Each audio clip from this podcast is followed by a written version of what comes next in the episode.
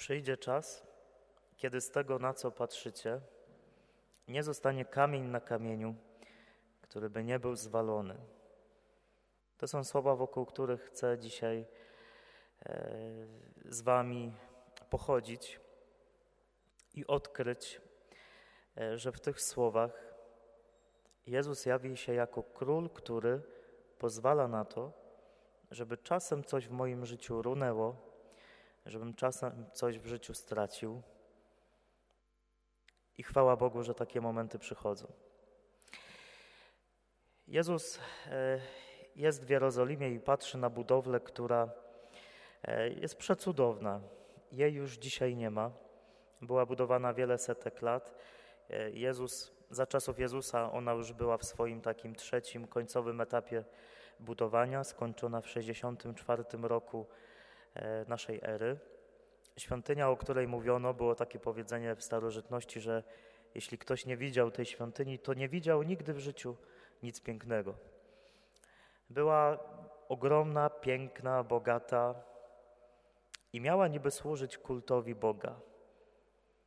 A niestety stało się tak, że bardziej stała się miejscem, e, gdzie czczono ludzką pychę, fałszywą religijność, płytką religijność e, i samozadowolenie.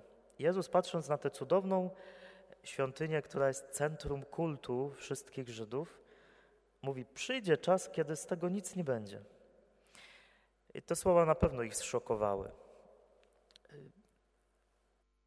Spróbujcie sobie wyobrazić, co byście poczuli, gdyby Jezus przyszedł, e, stanął na środku tego kościoła i powiedział do Was, że przyjdzie czas, kiedy z tego kościoła, objawienia Pańskiego, nie zostanie kamień na kamieniu. On się rozwali. Albo co byśmy pomyśleli, gdyby Jezus stanął przed Jasną Górą i powiedział takie słowa? Albo przed Bazyliką Świętego Piotra. Też byśmy się pewnie trochę zszokowali, nie? Jezus może tym słowem dzisiaj trochę szokuje, ale chce pokazać, że ciągle trzeba iść w głębie, e, ciągle iść w głębie serca. Nie można się zatrzymywać na zewnętrznych objawach religijności, trzeba szukać czegoś więcej. Żydzi byli dumni ze swojej świątyni.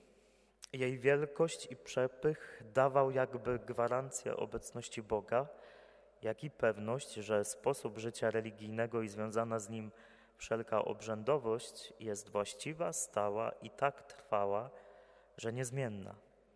Na tym tle słowa Jezusa o całkowitym zniknięciu z powierzchni ziemi tej budowli są szokujące. Wraz z przyjściem Chrystusa dokonuje się jakościowa zmiana odniesienia do Boga, do którego jedyną drogą jest Jezus, nowa i doskonała świątynia, pozwalająca na wejście w najbardziej intymną, a zarazem wyjątkowo silną więź z Ojcem. Problem stanowią ci, którzy nie rozpoznają czasu przyjścia Królestwa Bożego w osobie Jezusa. Ci zaś, którzy uwierzyli, mają trwać w czujności. Ci, którzy żyli za czasów Jezusa, nie rozpoznali, że przyszedł do nich prawdziwy Bóg i Mesjasz. I to jest bardzo wymowny znak, że ta świątynia jerozolimska w 70 roku została doszczętnie zniszczona przez e, Rzymian. Niewiele z niej zostało, tylko mur, do którego dzisiaj Żydzi się modlą. Nic z tego nie zostało, z czegoś takiego wspaniałego, z czegoś, co miało dawać poczucie gwarancji Boga. Wiecie, jak się idzie za Jezusem, to przychodzą takie momenty, że to, co nie jest zbudowane na Jezusie, się po prostu rozwali. Gdyby w tym kościele pięknym, naprawdę ładny, podoba mi się wasz kościół. Jest bardzo ładny, bardzo uroczy, bardzo przytulny, ale gdyby w tym kościele nie było tabernakulum, nie było żywego Jezusa, gdyby nie było tu sakramentów, to psu na budę taki kościół. Gdyby w Bazylice Świętego Piotra nie było Jezusa, na Jasnej Górze nie było Jezusa, to te kościoły są niepotrzebne. I myślę, że Jezus dzisiaj z jednej strony, to jest jeden wymiar tej Ewangelii, chce skierować nasze oczy, nasze serce ku temu, że Jezus jest najważniejszy w świątyni, w kulcie. Jezus jest na pierwszym miejscu. Ale też można ten tekst odczytać bardzo tak osobiście i, i, i do tego chcę też Was zaprosić i potem z tego też wynikają określone pytania. Straty w naszym życiu, momenty, kiedy mamy wrażenie, że w naszym życiu nie zostaje kamień na kamieniu, kiedy coś nam się totalnie rozwala, to są bardzo ważne momenty. E, święty Paweł w swoich listach mówi, że my jesteśmy świątynią Boga i czasem my jako ludzie wierzący. I czasem przychodzą momenty, kiedy wszystko nam się rozwala i to są bardzo ważne momenty. I dzisiaj chcę zaprosić Cię do tego, żeby popatrzeć na te momenty życia, Twego życia, kiedy Twoja świątynia się rozwaliła. W książce To, co musimy utracić, autorka pisze takie słowa. Straty stanowią część życia, są powszechne, nieuniknione, nieubłagalne. Są konieczne, gdyż tracąc coś, rezygnując z czegoś i zostawiając coś za sobą, wzrastamy. Droga ludzkiego rozwoju jest drogą wyrzeczeń. Przez całe życie wzrastamy, wyrzekając się czegoś i z czegoś rezygnując. Rezygnujemy z części naszych najgłębszych relacji z drugimi. Wyzbywamy się ukochanych cząstek nas samych. W marzeniach i w najbardziej intymnych związkach z innymi musimy zmierzyć się z tym wszystkim, czego nigdy nie będziemy posiadać, z tym, czym nigdy nie będziemy. Zaangażowanie emocjonalne czyni nas podatnymi na ból, jaki rodzi strata. I czasem, mimo całej zaradności i sprytu, musimy coś stracić. Jeśli idziesz na serio za Jezusem, to też przyjdą momenty, kiedy, kiedy będziesz musieć coś stracić. Może nie przyjdzie taki moment, kiedy ten kościół zostanie rozwalony. Daj Boże, żeby tak nie było. Ale przyjdą na pewno momenty, kiedy Twój wewnętrzny kościół, Twoje serce, zostanie rozwalone. Dlaczego? Bo budujesz świątynię, e, w której nie ma Jezusa. E, co może być taką świątynią, którą sobie skrzętnie budujemy, kamyk po kamyku i którą się potem bardzo chlubimy? Taką świątynią może być egoizm.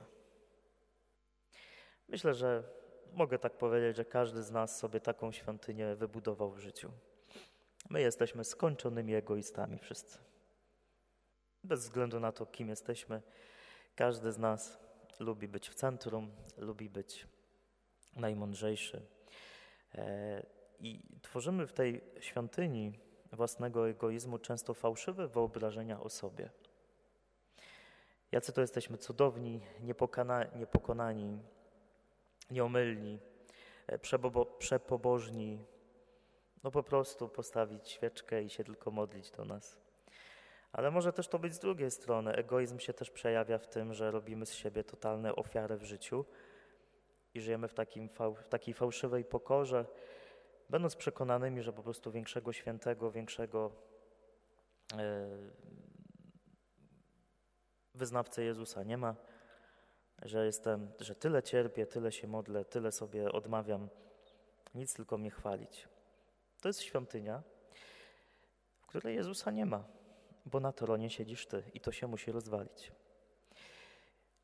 Czasem budujemy też świątynię fałszywej pobożności, fałszywej wiary. Takiej wiary, w której nie ma miejsca na Jezusa, jest tylko miejsce na nasze wysiłki, e, na nasze pobożne albo niepobożne akty, których nie ma miejsca na pytania, nie ma miejsca na zmaganie się. Ksiądz Halik, teraz już nie pamiętam jaki to był tytuł książki, ale powiedział, że dojrzewanie do wiary wiąże się z, z przyjęciem i przecierpieniem chwil, a niekiedy i długich okresów, gdy Bóg wydaje się daleki, gdy pozostaje w ukryciu. To, co jest oczywiste i możliwe do udowodnienia, nie wymaga przecież wiary Wiary nie potrzebujemy w obliczu niepodważalnych faktów, dostępnych siłą naszego rozumu, wyobraźni czy doświadczenia. Wiara potrzebna jest właśnie w chwilach światłocienia, wieloznaczności życia i świata, a także na czas nocy i zimy Bożego milczenia. Jej zadanie nie polega na tym, by ugasiła nasze pragnienie pewności i bezpieczeństwa, lecz by nauczyła nas żyć z tajemnicą. Ta definicja wiary bardzo mi się podoba, ale jak ją zawsze czytam, to myślę, że my często budujemy totalnie coś odwrotnego. Budujemy wiarę, religijność łatwych, prostych odpowiedzi, e, w której też może nie być miejsca na Jezusa. A w Twoim życiu, co byłoby taką świątynią, którą sobie zbudowałaś, ciągle budujesz, której nie ma miejsca na Jezusa? I Jezus, patrząc na to, mógłby powiedzieć, że przyjdzie czas, kiedy z tego, co budujesz, nie zostanie kamień na kamieniu. Nie wiem, czy się już przejechaliście w życiu na tym, że jak się buduje bez Boga, bez Jezusa, to prędzej czy później się to rozwali. Ja się już przekonałem. E, chyba najmocniej w swoim kapłaństwie, mimo że jestem księdzem już parę lat, to jakoś to z automatu nie sprawia, że jestem idealny święty i w sumie chwała Bogu. Dla mnie takim ważnym momentem, kiedy mi się moja świątynia, a właściwie kilka świątyń e, rozwaliło, był moment, kiedy e, dała o sobie znać moja depresja. W czwartym roku kapłaństwa stanąłem już pod taką ścianą, że musiało się wszystko rozwalić.